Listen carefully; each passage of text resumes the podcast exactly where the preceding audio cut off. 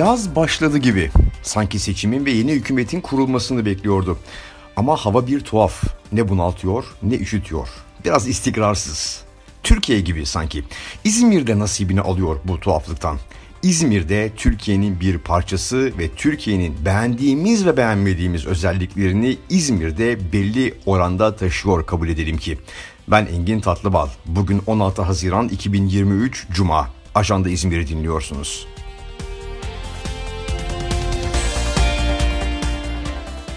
Hey gidi hey İzmir Esnaf ve Sanatkarlar Odaları Birliği'nin 16 yıllık başkanı Zekeriya Mutlu milletvekilliği sevdasına mevcut başkanlığından oldu. Bu konu biraz ciddi, biraz komik, biraz da düşündürücü. Olay sadece bir kurumun başkanının siyaset nedeniyle istifa edip umduğunu bulamamasından çok ötede bir mahiyet taşıyor. Bu yüzden konuyu Zekeriya Mutlu'nun ve İzmir Esnaf ve Sanatkarlar Odaları Birliği'nin ötesinde ele almak gerekiyor.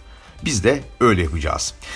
Dile getirmiştik daha önceki yayınlarımızda bir kurumun başında seçimle gelmiş veya geliyor olsanız dahi 16 sene kalmak, 20 sene kalmak, 25-26 sene kalmak demokratik geleneklere uygun düşmüyor.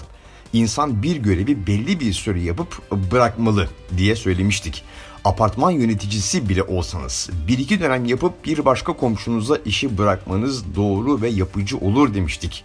Zekeriya Mutlu örneğinde de bu durum söz konusuydu. Tıpkı şehrimizin başka kurumlarında örneklerini gördüğümüz ve zamanında görmüş olduğumuz gibi. Mutlu da milletvekili olacağım diye İzmir Esnaf ve Sanatkarlar Odaları Birliği Başkanlığından istifa etti. Milletvekili adayı olamadı tekrar İzmir Esnaf ve Sanatkarlar Odaları Birliği Başkanlığı'na dönmek için genel kurul çağrısı yaptı. Ama kurul bir başka ismi bu defa. Ayakkabıcılar Odası Başkanı Yalçın Atay'ı başkanlığa seçti. Burada tabii Zekeriya Bey'in milletvekili olmak uğruna koltuğundan olması durumu en zahiri ve en genel görünüşü ifade ediyor. Ancak elbette esnaf birliğinin seçimleri süresince siyasi başka faktörler de rol oynadı. Kabaca şöyle ifade edelim. Zekeriya Mutlu CHP'nin adamıydı. Yeni seçilen Yalçın Ata ise AKP'nin desteğiyle seçimi kazandı. Zekeriya Bey'den önceki başkan olan Mehmet Ali Susam da CHP'den milletvekili seçilmişti. Zekeriya Bey de kendi durumunun biraz Susam gibi olmasını istedi ve esasen de öyle olacağını öngördü. Ancak işte olmadı. Ajanda İzmir'e gelen kulisler Yalçın Atan'ın AKP İzmir Milletvekili Atilla Kaya ve ekibinden ciddi destek aldığı hatta Kaya'nın seçimde etkili olacak bazı isimlerin esnaf kredi kooperatifinden acil ve uygun koşullarda kredi kullanmalarını da sağladığı yönünde. Doğru mudur bilmiyoruz ama netice 16 yıldır başkanlık yapan Zekeriya Mutlu kaybetti AKP'nin desteklediği Yalçın Ata seçildi İzmir Esnaf ve Sanatkarlar Odaları Birliği Başkanlığı'na. Burada tabii İzmir için yapılan pek demokrat, pek batılı gibi yakıştırmaları sorgulamamız gerekiyor. İzmir'de Türkiye'nin bir şehri en nihayetinde sevgili dostlar. Ve Türkiye ne kadar demokratsa, Türkiye ne kadar batılıysa İzmir'de bundan biraz daha demokrat, biraz daha batılı sadece. Yalnızca İzmir'in Türkiye'nin geri kalanından daha özgürlükçü bir yapıya sahip olduğunu söyleyebiliriz farklı olarak. Bu da şehrin yüzyıllardır dışa açık bir liman kenti olmasından, çok farklı etnik ve dinsel köklere ait insanların bir arada yaşamış olmasından kaynaklanıyor. Durum aslında bundan ibaret.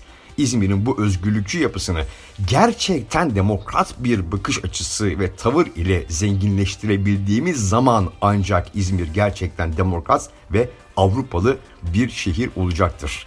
Yine iyi ki İzmir var. Yine iyi ki İzmir'de yaşıyoruz. Her şeye rağmen diyorum.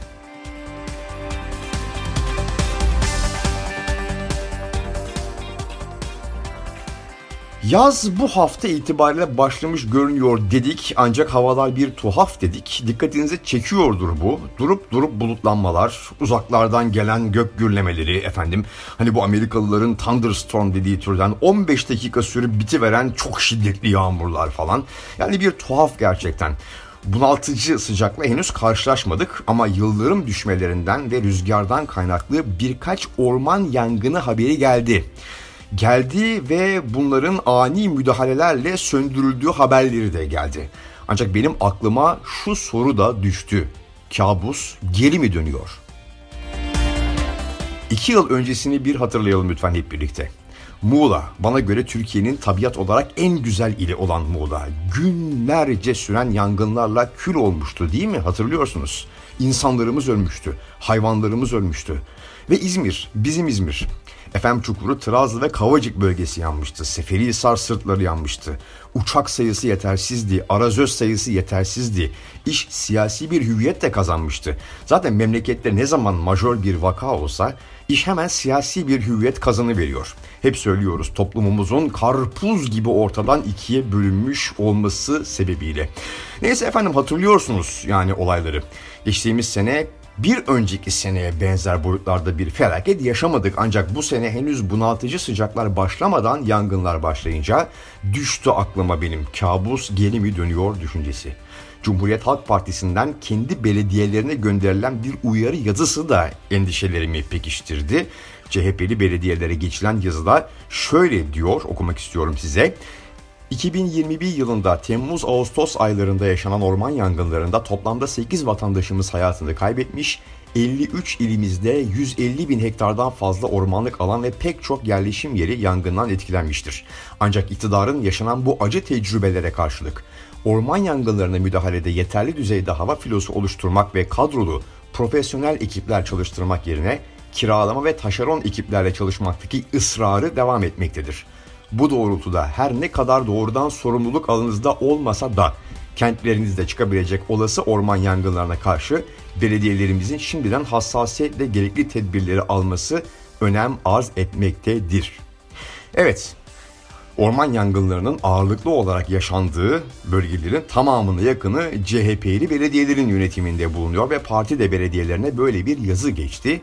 Yazıda dikkat çeken unsur bana göre iktidarın orman yangınlarına müdahalede yeterli düzeyde hava filosu oluşturmak ve kadrolu profesyonel ekipler çalıştırmak yerine kiralama ve taşeron ekiplerle çalışmaktaki ısrarı şeklindeki vurgu.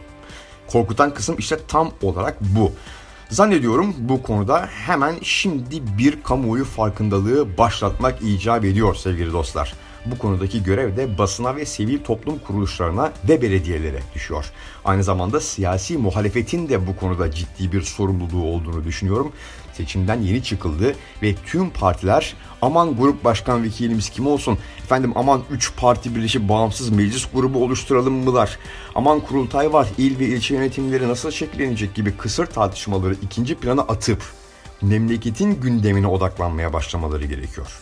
Memleketin gündemi de başta ekonomi, ardından acil olarak iki yıl önce yaşadığımıza benzer orman yangını felaketleri yaşamamamız için alınması gereken önlemler, yeni deprem felaketleri yaşamamamız için yapılması gerekenler ve daha orta ve uzun vadede Türkiye'nin her anlamda yokuş aşağı gidişini durdurmak için yapılması gerekenler. Zira hem iktidar ve hem de muhalefet ikisi birden bir seçimden çıkıp 9 ay sonraki bir diğer seçime odaklanmış durumdalar. Ve Türkiye zaman kaybediyor bu siyasi çekişmelerin içinde. İki konu başlığıyla bitiriyoruz bu hafta Ajanda İzmir'e efendim. Haftaya Cuma günü İzmir'in gündemiyle ve gündemin düşündürdükleriyle tekrar buluşalım. Hoşçakalın.